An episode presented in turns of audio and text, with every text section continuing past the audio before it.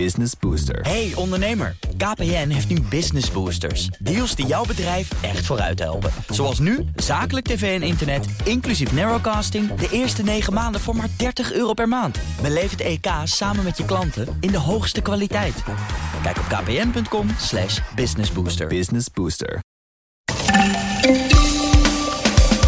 KPN en Ziggo, die het op het vaste internet op het ogenblik voor het zeggen hebben in Nederland, krijgen er een concurrent bij. Het relatief kleine bedrijf Delta is bezig met een enorme uitbreiding van hun glasvezelnetwerk. Europese landen gaan fors meer betalen voor de vaccins van Pfizer en Moderna. En in ons land ging het na de heropening van de discotheken en de nachtclubs helemaal mis. Maar bij de Britten lijkt het probleemloos te zijn verlopen.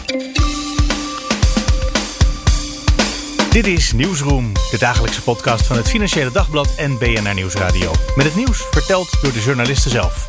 Ik ben Mark Beekhuis en het is vandaag maandag 2 augustus. Hallo, Sandra Olstorn van het Financiële Dagblad. Goedemorgen. Je zou denken, het is hartstikke zomervakantie. We zitten midden in de komkommertijd. Ja. Maar het eh, nieuws op het gebied van eh, glasvezelplannen van grote bedrijven, dat eh, dendert gewoon voort. Vandaag op de voorpagina van de krant. Delta opent aanval op duopolie van KPN en Ziggo. Yes, waren ze natuurlijk al een klein beetje mee bezig. De meeste mensen zullen Delta niet kennen, of althans niet in de stad. Want Delta zit vooral in het buitengebied, dus platteland en kleine dorpjes. Het is een Ehm, kabelbedrijf, toch? Een televisiebedrijf, zeg maar. Ja, het is een combinatie van het voormalige Zeeuwse kabelbedrijf en Kaiway. Dat zit in de regio Schiedam en een beetje in die, die omgeving. En dat is samengevoegd. En die zijn hun kabel gaan vervangen door glasvezel. En dat ook in andere delen van het land gaan uitrollen. Ehm, en zo hebben ze inmiddels eh, nou, bijna een miljoen huis, 900.000 geloof ik zitten ze nu op.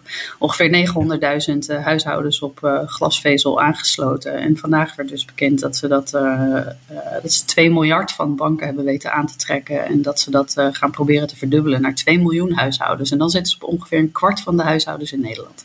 Dan zijn ze natuurlijk nog niet in de buurt van waar KPN en Ziggo zitten. Nou, vooral KPN, hè, want die is de allergrootste. Eh, ja, Ziggo heeft natuurlijk geen glasvezel. Of je moet hun netwerk zo zien als dat is grotendeels ook glasvezel. Maar het laatste stukje is coaxkabel. Dan heb je KPN. Die is dus ook bezig om heel groot glasvezel aan te leggen. Naast het koper. Tenminste, die hebben van oudsher natuurlijk een kopernetwerk. Dat Ja. zijn ze aan het vervangen voor glasvezel. Ze zitten nu op iets meer dan 3 miljoen huishoudens op glasvezel. Dus zij zijn veruit de grootste. In totaal heb je in Nederland nu ongeveer de helft van de huishoudens heeft glasvezel. Dus je hebt KPN met 3 miljoen, dan Delta met 900.000 en dan komen er nog wat. T-Mobile is aan het eh, bezig om ehm, glasvezel uit te rollen, maar dat is allemaal veel kleiner dan, eh, dan KPN en dan op enige afstand eh, Delta.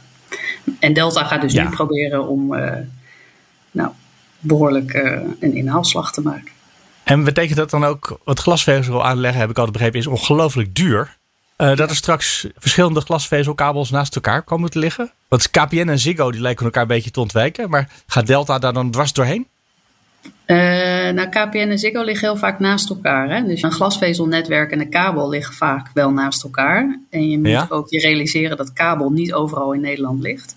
Delta zelf zegt, we gaan, als het aan ons ligt, wordt er niet over elkaar heen glasvezel neergelegd. Want inderdaad, wat je zegt, glasvezel is behoorlijk duur om aan te leggen. Van 700 tot 900 euro in de grote stad.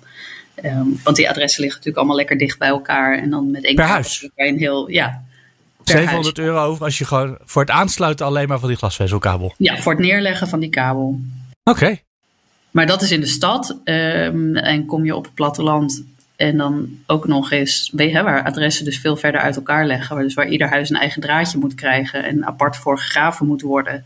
En als je dan ook nog eens door een dijk heen moet of door een rare ondergrond, dan kan het zomaar. Ik ben wel eens bij een huis geweest, daar liep het in de. Of in een gebied, daar ging het per adres tot tienduizenden euro's per adres. Eh, Oké. dus glasvezel is heel duur om aan te leggen, maar eh, waarom je de laatste jaren ziet dat eh, eh, het zo enorm versnelt, is omdat, nou ja, we gebruiken natuurlijk allemaal ehm, eh, ons internet nogal intensief. Dus de behoefte aan, aan veel ruimte op je, op of een goede verbinding wordt natuurlijk steeds groter. En het rendement op glasvezel is, lijkt voor lange tijd gegarandeerd. Want als mensen eenmaal glasvezel hebben, ja, een beter alternatief is er niet, dan stap je ook gewoon niet meer over. Ga je niet meer terug naar één of twee van die koperdraadjes. Je gaat niet meer naar een koperdraadje. Dus kun je als, uh, als, als aanbieder heb je gewoon gegarandeerd rendement. Dus bijvoorbeeld Delta gaat ervan uit dat ze na een jaar of tien de investering terug gaan verdienen. Uh, goed om te zeggen, het verschil tussen uh, KPN en T-Mobile en Delta is dat Delta zich voornamelijk concentreert op um, de duurdere adressen. Dus waar T-Mobile aan het aanleggen is, juist in de stad, en KPN een beetje allebei doet, heeft Delta eerst het echte platteland aangelegd. Maar dat is inmiddels wel grotendeels verglaasd, zoals je dat noemt. Um, maar daar gaan ze nu naar de iets dichter bewoonde gebieden, maar nog steeds een relatief duur segment van de markt. Zeg maar. Okay. Dus dan kan je met je geld kan je minder adressen aanleggen. Je, je sluipt hier zo uh, stiekem een nieuw merk nog even doorheen. Want T-Mobile, tussen KPN en ja. Ziggo, is ja. ook nog bezig met het aanleggen van een glasvezelnetwerk. Juist. Dus dan hebben we er vier ineens. Terwijl wij dachten, ja, je zit bij de ene of je zit bij de andere en erg veel keuze heb je niet. Maar daar komt dus langzaamaan een beetje ontwikkeling in. Ja, uh, T-Mobile um, is natuurlijk een fusie van T-Mobile en Tele2. En die hebben toen, uh, toen ze toestemming kregen om samen te gaan, hebben ze moeten beloven dat ze ook op de vaste markt uh, zouden gaan proberen een deuk in een pakje boter te slaan. Um, dus die zijn ook glasvezel aan het aanleggen. Die hebben 700 miljoen euro daarvoor. En die doen dat voornamelijk in de Randstad. Dus die zal Delta niet zo snel tegenkomen. Maar je ziet bijvoorbeeld in Den Haag zijn Delta en KPN, of uh, KPN en T-Mobile al over elkaar heen gaan bouwen. Er is een netwerk naast elkaar. Dus daar is het wel uh, de strijd, ja, echt gewoon om de, om de kabel in de grond die naast elkaar ligt. En de ene ja. of de andere gaat het redden. Ja, ja. en maar je moet je ook realiseren van T-Mobile is dus nog echt wel heel klein op het gebied van de vaste aansluitingen. Want die hebben als ambitie om binnen een aantal jaar op 1 miljoen aansluitingen te zitten. En Delta zit daar dus nu al op en gaat dat verdubbelen. Ja, en je zou ook, ze hebben moeten beloven dat ze het uh, gaan doen. Dus dat klinkt ook niet alsof ze het echt per se willen. Uh, ja, dat willen ze zeker wel. Uh, want uiteindelijk. Ja? Oh, maar ze hebben niet zoveel haast. ja, ze hebben ook wel haast, maar je moet er dus heel veel geld voor hebben. En waarom die telecombedrijven dat allemaal willen, of de, uh, zeker T-Mobile het ook wel wil, is omdat de combinatie van vaste en mobiele abonnementen is een beetje de heilige graal in de telecommarkt. Het idee is als je klanten een uh, mobiel en een vast internetabonnement tegelijk kan verkopen, dat wijst, de, de ervaring wijst uit dat die klanten dan bijna nooit meer opzeggen. Dus dat betekent dat je. En ook nog een keertje een tv-abonnement erbij. klanten aan te trekken. En als ze er eenmaal zitten, dan kun je zonder al te veel pijn kun je, uh, jaarlijks de prijzen verhogen. En je kan ze allemaal leuke extra diensten aansmeren. Um, uh, oh, ja. Voor, weet je, uh, ook nog Spotify via ons en Netflix en weet ik nou. En zo, zo kun je ja. per klant kun je veel meer. Um, kun je veel meer verdienen. Uh, dus dat is een reden waarom T-Mobile ook heel graag ook vaste abonnementen wil aan, kunnen aanbieden. Uh, en daarvoor niet te veel afhankelijk wil zijn van de uh, glasvezel van KPN, zoals ze dat nu zijn. Want nu moeten ze daar op het glasvezel of de koper van KPN ruimte huren. omdat ze zelf geen vast netwerk hebben. En dat gaat volgens T-Mobile voor tarieven waar zij vervolgens geen winst op kunnen maken. Dus dat is waarom zij ook een vast netwerk aan het aanleggen zijn. Jij zei net ook al dat Delta en T-Mobile elkaar eigenlijk helemaal niet tegenkomen. Want die leggen glasvezel nee. aan in hele andere omgevingen. Ja. Uh, Delta heeft waarschijnlijk geen eigen mobiele telefoon. T-Mobile is van oorsprong, dat wel. Ja. Moeten die twee niet samengaan om met z'n tweeën een vuist te maken tegen KPN en Ziggo? Ja, er zijn ook een hoop telecom-analisten die uh, verwachten dat dat gaat gebeuren. Uh, T-Mobile Nederland staat te koop. Deutsche Telekom wil er vanaf. Um, en dan lijkt dit inderdaad een hele logische combinatie. Is er dan ook nog geld over? Want ik bedoel, uh, Delta haalt nu, wat zei je, 2 miljard op voor investeringen in glasvezel. Yeah. En dan moeten daarna natuurlijk nog heel veel geld ergens vandaan halen om T-Mobile te kopen. Of... Ja. Yeah. Nou heeft Delta een schatrijke eigenaar en dat is het uh, Zweedse investeringsbedrijf EQT. Uh, ja. Bekend van dat ze eerder dit jaar hebben geprobeerd om KPN over te nemen. Dus dat is natuurlijk ook wel een beetje saillant aan dit hele verhaal. Zodat ze KPN bij Delta konden Bij voegen. Delta konden voegen, ja. Om even de verhoudingen even helemaal om te keren. Ja, precies. Ja. Uh, en okay, maar zou extra dus geld in KPN uh, stoppen, maar KPN zei nee, we kunnen het zelf wel. Dus nou ja, nu gaat Delta uh, zelf heel veel geld in zijn netwerk stoppen. En, en ja, zou het voor de hand liggen als ze T-Mobile gaan kopen. Sandra Oosthoorn, dankjewel. Jij ook bedankt. Hallo, Michal van der Toorn. Hallo Mark. Van BNR. We gaan het hebben over de duurdere vaccins. Die, uh, ja, er wordt steeds gezegd 4 euro duurder worden. Maar dat is bijna 30% wat er bovenop komt. Wat we gewend waren te betalen met wat het gaat worden. Ja, en dat gaat dan om de vaccins van Pfizer en Moderna voor de Europese Unie. En dat heeft de Financial Times ontdekt uit delen van een contract uh, dat zij hebben ingezien. Niet, volgens mij hebben ze niet het hele contract ingezien, maar delen ervan. Nou ja, en daaruit blijkt dus dat um, die prijs van de vaccins dus omhoog gaat. Volgens mij voor Pfizer worden ze 19,50 euro. En Moderna zelfs 21 euro. Rond 21 euro. En dat is dan ehm, per, uh, waarschijnlijk per zo'n flesje. Want daar komen ja, per, zeven prikken uit. Dus dan valt het misschien nog mee. Maar toch. Ja, maar goed. Het is dus wel een uh, best een stevige stijging. Ja. Uh, vind ik dan. dat vindt niet iedereen. Nou nee, de mensen van Pfizer en Moderna zullen dat ongetwijfeld hele redelijke verhogingen vinden. Ja. Ik heb ook een beetje medelijden met de persvoorlichters en de woordvoerders van die bedrijven. Die nu wekenlang moeten gaan uitleggen dat ze heus niet hebberig zijn en inhalig. En dat dit heel redelijk is. Hmm. Want het voert natuurlijk als gebruik maken, misbruik als je het eh, slecht wil zien, van uh, ja, afhankelijkheid ja. van hun machtspositie. Ja, zo komt het ook een beetje op mij over. Maar uh, ik heb onder andere onze Europa-verslaggever Geert-Jan Haan gesproken. En hij zei dat hij het wel eigenlijk had verwacht. Omdat een paar maanden geleden, rondom de rel met AstraZeneca, we weten het nog wel, uh, heeft de Europese Unie of de Europese Commissie gezegd dat zij vol gingen inzetten op Pfizer en Moderna. Met de mRNA-techniek als de heilige graal. Dat klinkt als een uitnodiging voor een prijsverhoging, waar je ja. zeggen. Ja, dat, nou, Gert-Jan zei dat in ieder geval wel. We konden verwachten dat zij dus ook. Ja, ze leveren goede vaccins. Um, En dat mag ook beloond worden. Dat is marktwerking. Dus nou ja, hij had het wel zien aankomen. Verder ook nog rondom die rel met AstraZeneca was er ook een strijd met uh, Engeland wie de vaccins ging krijgen. Ja, uh, en, fabrieken in Europa die ineens gingen leveren aan het Verenigd Koninkrijk, ja, hè? Ja, precies. En dat voelde um, verkeerd.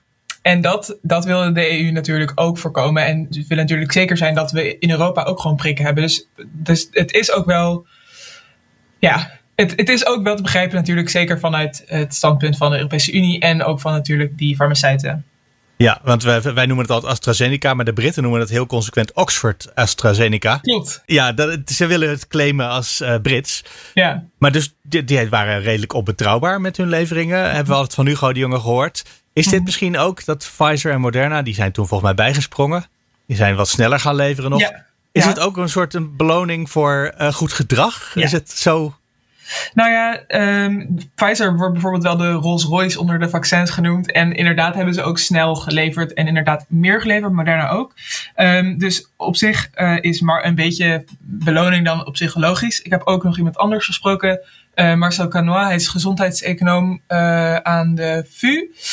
Hij zei ook van, nou ja, ik ben, hij is het niet met deze prijsverhoging eens. Maar hij zegt Nee? wel, oké, die beloning is wel logisch. Want ze hebben inderdaad goed geleverd. En die vaccins werken hartstikke goed. Maar wat is zijn grote bezwaar dan?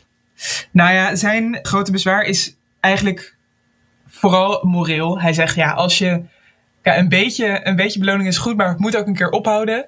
Uh, want je, je moet toch een beetje maatschappelijk verantwoord ondernemen. Dus je kan niet alleen maar uit zijn op winst. En hij vindt ook dat de levering van vaccins anders geregeld moet worden. Dus dat er meer een publiek-private samenwerking moet komen. Zodat de, je als bijvoorbeeld in de Europese Unie uh, meer macht hebt en meer controle hebt over de prijzen. Omdat je dan gewoon, het is je eigen project. Ja, je kan het het zo duur maken als je zelf wil. Dat je uitbesteedt natuurlijk wel Ja. aan mensen die er meer van verstand van hebben. En daarbij noemde hij ook bijvoorbeeld inderdaad Oxford, waarin, waar, waar dat uh, AstraZeneca vaccin voor een groot deel dus ontwikkeld is. Hij zei dat zijn Europese, nou Oxford dan nu even niet, maar eh, er is veel samenwerking met uh, Europese universiteiten. Uh, en dan mag je best als Europese Unie daar ook wat meer voor opkomen dat uh, ook die farmaceuten voor een groot deel afhankelijk zijn van die universiteiten in Ja. Europa. Ik begreep ook dat de tarieven omhoog gingen omdat de vaccins beter blijken te werken dan eerder gedacht. Ja, ja dat, dat, zeggen, dat is inderdaad ook nog een argument. Um, En wat ook nog zo is, is dat uh, we nu ook aan de derde prik gaan. In ieder geval, Engeland is daar vandaag, uh, heeft dat vandaag bekendgemaakt. Die gaat van september daarmee beginnen. En dat gaat vast ook in de rest van Europa gebeuren. In Israël ja, voor Duitsland zijn er ook al verhalen dat dat gaat gebeuren. Ja. Um, dus er zijn ook gewoon meer van die uh, vaccins nodig. En je kan dan wel mixen en matchen. Maar er zijn toch veel mensen met Pfizer en Moderna ingeënt. Dus er komt nog een enorme nieuwe golf van prikken. En ja. dus een derde golf van vraag. Ja. Met schaarste dus weer. Maar goed, de vraag blijft natuurlijk: uh, ja, moet je gaan voor marktwerking? Moet je jezelf afhankelijk maken, maken van dit soort farmaceuten? Wil je de aandeelhouders tevreden houden? Of kijk je als bedrijf toch meer moreel naar jezelf? Dat is ja. zo'n mooie grote open vraag dat ik hem niet ga proberen te antwoorden hoor. Nee, dat moet, nee, nee, nee, dat zeker niet. Maar... moet iedereen voor zichzelf maar bepalen. Ja. Maar goed, in Nederland hebben we natuurlijk wel een redelijk commercieel uh, opgezet gezondheidszorgstelsel. Dus mm -hmm. in, in Nederland zou dit heel goed passen, deze ja. prijsverhoging op dit ogenblik. Ja, dus het is niet compleet onlogisch, maar het is wel uh, goed om er kritisch naar te blijven kijken, denk ik. Ja, want het gaat natuurlijk wel heel veel geld kosten voor ons alles. Uh, hè? Oh. En dat gaan we met z'n allen als belastingbetaler opbrengen, denk ik. Oh, het enige wat uh, Gert-Jan ook nog zei, dat zei hij ook in de uitzending. Um, ja, het gaat meer kosten, maar het is wel interessant om uit te rekenen of het dat waard is ook. De, het opengooien van de samenleving is misschien nog wel meer waard dan die 4 euro extra per vaccin. Dus, uh, maar goed, dat, uh, misschien dat, is dat ook aan de gezondheidseconomen om dat uit te rekenen. Ja. maar zo kan je er natuurlijk ook naar kijken. Maar dat vind ik een ingewikkelde berekening hoor. Want wat is het waard dat ik wel of niet naar de Efteling kan, bij wijze van spreken? Ja, voor de Efteling is dat heel veel euro's waard. En voor ja. mij is het heel veel plezier misschien, of niet? Ja. Als je daarvan houdt of niet. Is ook niet mijn expertise, maar ik. Uh, nee, maar dat, dat, is, dat lijkt mij echt een hele ingewikkelde berekening. Uh, je mag zonder mondkapje in de trein zitten. Hmm. Hoeveel euro is bij dat nou waard? Ja, maar goed, dat is altijd met economie toch? Dat heb ik altijd ja, wel aan gevonden. Zeker. Het wordt heel filosofisch. Daar hou ik op zich heel erg van. Maar nee. voor nu ga ik het toch even bij laten, Michal. Dankjewel. Right. En waar ik net in mijn enthousiasme 30% prijsstijgingen zei, bedoelde ik natuurlijk voor Pfizer zo'n 25% en 13% voor Moderna. Voor het geval je al met het rekenmachientje in de aanslag een e-mailtje aan het schrijven was. Want reageren kan natuurlijk elke dag. Mail naar nieuwsroom.fd.nl of nieuwsroom.bnr.nl. Hallo, Joost Dobber van het Financieel Dagblad. Dag Mark. Met alweer een fijn verhaal uit het Verenigd Koninkrijk. Namelijk dat in Engeland de heropening van de nachtclubs helemaal niet heeft geleid tot allerlei grote problemen. Zoals hier in Nederland wel. Wij hebben de discotheken open gedaan. Was meteen binnen een, wat zeg ik, drie dagen later kwamen er excuses van de premier. En Boris Johnson hoeft helemaal geen excuses te maken, want er is niks mis. Ja. Um, Geef ik hem te veel credit nu? Nou, nee. Uh, het is zonder meer veel beter gegaan dan in Nederland. Um, ja, het enige wat ik zou willen zeggen is: uh, dit is nu twee weken geleden dat die heropening gedaan is. Oh ja. Dus um, we zijn een beetje op dat punt de afgelopen week twee weken zijn de besmettingscijfers omlaag gegaan. En iedereen zat er naar te kijken en dacht: oké, okay, dit is verrassend. Ziet er goed uit. Maar we durven nog niet echt te juichen en te zeggen: oh, goed, wat goed dat we ermee weg zijn gekomen. Nu, twee weken, komen we een beetje op dat omslagpunt waarop mensen beginnen te denken: oh, nou, misschien is het wel echt goed gegaan. Dus er zit nog een heel klein beetje een voorwaarde aan verbonden van. Ja, drie weken zo'n beetje. Uh, ja. Conclusies te trekken, maar het ziet er gewoon heel erg goed uit. Maar het is ook echt oprecht verrassend dat het überhaupt na twee weken er nog steeds goed uitziet. Want ik bedoel, Britten die uitgaan, dat is niet per se uh, publiek wat zich heel erg inhoudt, is mijn indruk uh, als ik er wel eens geweest ben.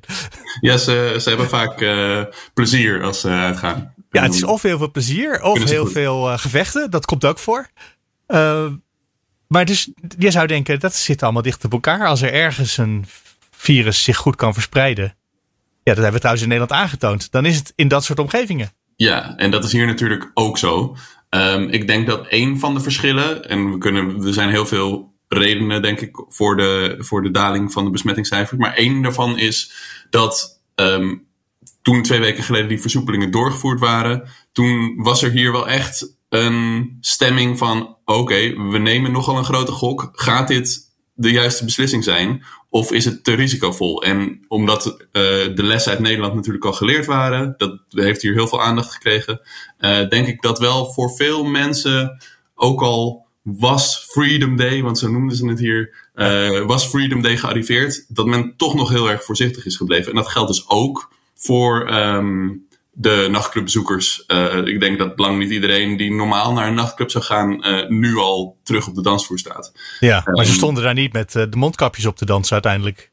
Nee, nee, nee zeker, zeker, klopt. Um, dus, maar, maar ja, wel minder mensen. Minder mensen. Um, en um, je ziet ook wel dat er.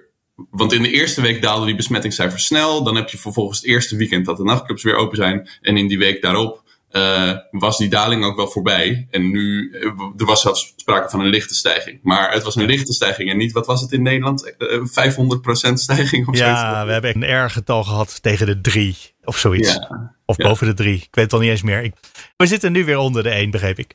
Ja. Dus uh, er is ook altijd opgewekt nieuws. Maar goed, dat is omdat wij al die nachtclubs en dat soort zaken weer dicht hebben gedaan. En toch met z'n allen weer een beetje geschrokken zijn. Van dat het wel kan uit de hand kan lopen als we niet uitkijken. Ja. Maar, ja. Dus eigenlijk hadden we dit de Britten voor moeten laten gaan. Zodat wij verstandig hadden kunnen lijken. Um, ja, eigenlijk wel. Ik denk ja. dat het, uh, een van de verschillen is ook dat je. Um, Nederland heeft wel al aardig uh, de, de Britten ingehaald met het vaccinatieprogramma. Uh, maar de Britten lopen nog steeds wel voor hoor. Er zijn hier veel, maar, veel meer vaccins uitgedeeld. En dat helpt natuurlijk, want er zijn ja. meer mensen immuun. Nu is de, de mensen die nog niet volledig gevaccineerd zijn, zijn juist de jongeren die waarschijnlijk vaker naar de discotheek gaan. Um, maar omdat er, even kijken, volgens mij is ruim de helft van de Britse bevolking, dus dat is inclusief kinderen, is al volledig gevaccineerd. Nog eens 14% heeft een eerste prik gehad. Uh, en dan heb je natuurlijk ook, omdat het recent dat virus best wel vrij rondgewaard heeft, een zeker niveau van natuurlijke immuniteit, omdat mensen besmet zijn geweest recent.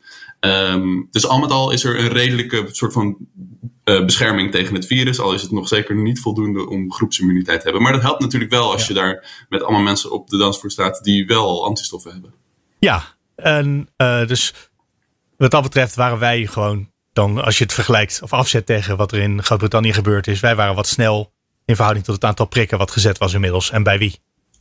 Ja, inderdaad. Dat uh, denk ik wel. En een andere factor is um, dat de uh, scholen nu met zomervakantie zijn. Dus ja, uh, middelbare scholieren waren vooral een brandhaard. Want ja, ja, die zaten met elkaar in de klas, veel contact, daar waren veel besmettingen. Relatief ongevaarlijk voor hen, maar vervolgens verspreidt het virus zich natuurlijk wel. En dankzij ja. die schoolvakantie nu is die bron van, uh, van besmetting weggehaald. Het was ook nog eens mooi weer een week lang, waardoor mensen naar buiten gingen. Dat heeft ook geholpen. Maar is er ook uh, bewust gewacht tot het zomervakantie was voor de scholen? Of, want ik weet niet, hier in Nederland is dat überhaupt geen issue geweest. Dan moeten we wachten tot school, schoolvakantie of kan het ook al twee weken daarvoor? Um, ja, dat was een van de factoren in de overweging. Ze, eigenlijk zouden die versoepelingen ongeveer een maand eerder worden doorgevoerd. Maar ja, toen was de Delta-variant sloeg zo hard om zich heen dat ze dat ja. een maand hebben uitgesteld. En daar waren twee redenen voor. De belangrijkste, verreweg de belangrijkste, was dat een maand uitstel betekende dat er een maand lang extra vaccinaties gezet konden worden. Um, wat, nou ja, de, betere bescherming uh, oplevert in de bevolking. De andere was dus inderdaad wel de scholen. En Boris Johnson heeft dat heel vaak nu als um, um, argument aangevoerd waarom hij nu heropent en niet nog even wacht tot het vaccinatieprogramma is afgerond. Hij zegt, ja, we hebben nu die natuurlijke bescherming van de zomervakantie. Um, en dat is eigenlijk gewoon een heel goed moment om te heropenen. En ja, toen hij dat zei, dachten heel veel mensen, en ik moet zeggen, ik zelf ook, uh, dat het een klein beetje een excuus was. Maar nu, twee weken later, kunnen we, lijkt het er toch voorzichtig op dat het uh, ja. zeker wel uh, ergens op sloeg. Dat is toch fijn dat Boris Johnson ook af en toe dingen zegt die gewoon één op één logisch klinken en uit blijken te komen. Dat is niet altijd zo, toch? niet alles wat hij zegt is logisch, dat is zeker waar. Ja. Laten we het zo zeggen. In de categorie dingen die ook achteraf best logisch lijken. Het voetbal heeft nog een rol gespeeld. Ja, um, dat is een, uh, nou ja, leuk is denk ik niet het juiste woord, maar wel een interessante uh, aspect aan dit alles. Um, je hebt natuurlijk in het Verenigd Koninkrijk zowel Schotland als, als Engeland deed mee. Daar, en die zijn op twee heel verschillende manier, uh, momenten uitgeschakeld. Schotland in de poolfase en Engeland heeft de finale gehaald. -huh. De Schotten die hadden al best wel last van een heftig hoge infectiegraad toen het toernooi begon. Ehm, en tijdens het toernooi zag je dat het nog verder steeg. Maar ja, toen we al na twee weken naar de groepsfase waren ze uitgeschakeld. En meteen begon die infectiegraad uh, best wel te dalen. En dat was ook een daling die houdbaar bleek. Terwijl in Engeland, die nog twee weken langer doorvoetbalde en iedere nieuwe wedstrijd was groter dan de vorige. Dus gingen meer mensen kijken. Uh, niet, in, niet per se in het stadion, maar in, ja, in, de, in de kroeg. Ja, in de kroeg, grotere schermen. de ruimte met veel mensen bij elkaar die hard juichen. Dat, uh, dat is erg fijn voor het virus. En dat zag je dus duidelijk terug in de cijfers. Tijdens het EK voetbal um, was bijvoorbeeld de man-vrouw verhouding van uh, positieve testen volledig uit het lood geslagen. Het blijkt dat mannen toch vaker voetbal kijken dan, dan vrouwen. En uh, zij testen veel, meer, veel vaker positief in, in die vier weken. Maar dan zag je misschien ook in de weken daarna ogenblikkelijk weer een enorme afname. Omdat mensen elkaar niet gingen besmetten in de kroeg tijdens het ja, kijken naar voetbal. Klopt. En in Schotland zag je dat dus twee weken eerder dan in Engeland. In Engeland, uh, want de finale was op 11 juli uit mijn hoofd. Um, dus in, ja, tussen die periode van 11 juli en het moment op 19 juli dat de Britten de versoepelingen hebben doorgevoerd. Uh, ja, toen liep een beetje dat, dat effect eruit. Dus dat was op 19 juli toen Freedom Day kwam en iedereen dacht, gaat het wel goed? Was het, was het voetbaleffect nog niet helemaal duidelijk. Kan onze eigen Nederlandse regering hier iets van leren? Iets wat ze kunnen afkijken van uh, de aanpak van de Britten? Um... Vandaag hebben we bijvoorbeeld uh, de discussie over de vraag of eendaagse evenementen door kunnen gaan.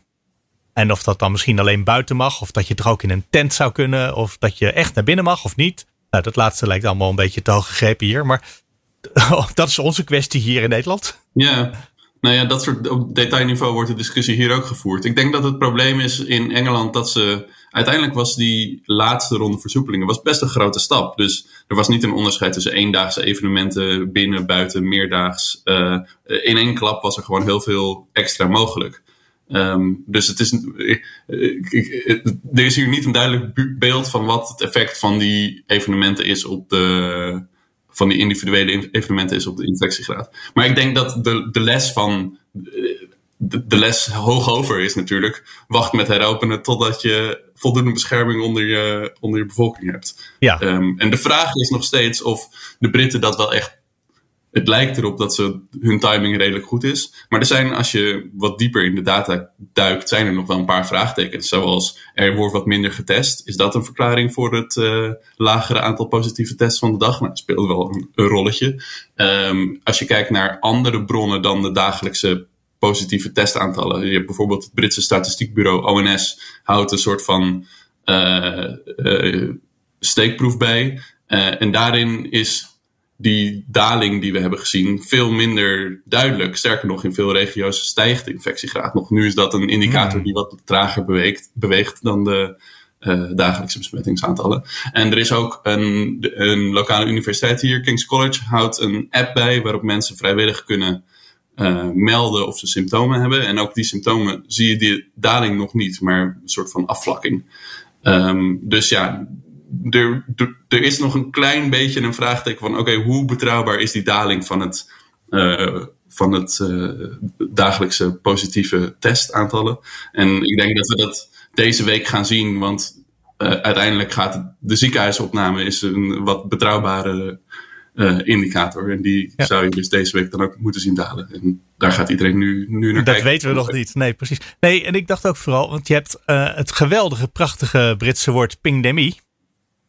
Ja. Uh, wat ook nog suggereert, als heel veel mensen een, uh, een ping krijgen, joh, uh, van, van de app, iemand uit jouw netwerk of iemand met wie je contact hebt gehad, is besmet. Nou, ga maar in quarantaine.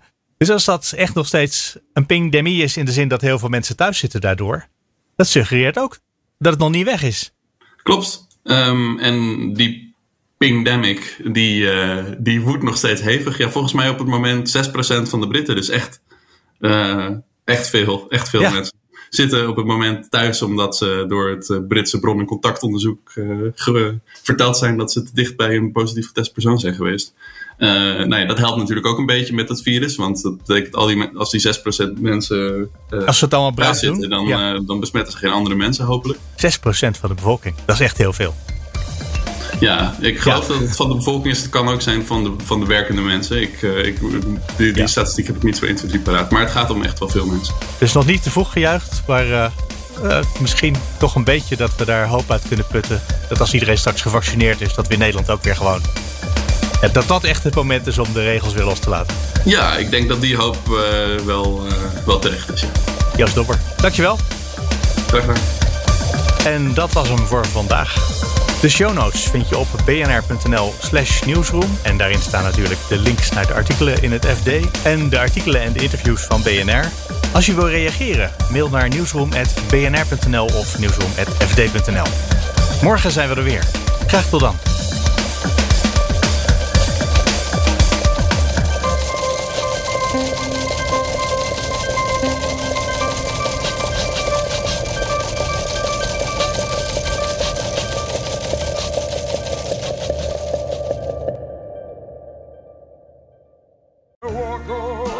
Hardlopen, dat is goed voor je. En Nationale Nederlanden helpt je daar graag bij. Bijvoorbeeld met onze digitale NN Running Coach... die antwoord geeft op al je hardloopvragen. Dus, kom ook in beweging. Onze support heb je.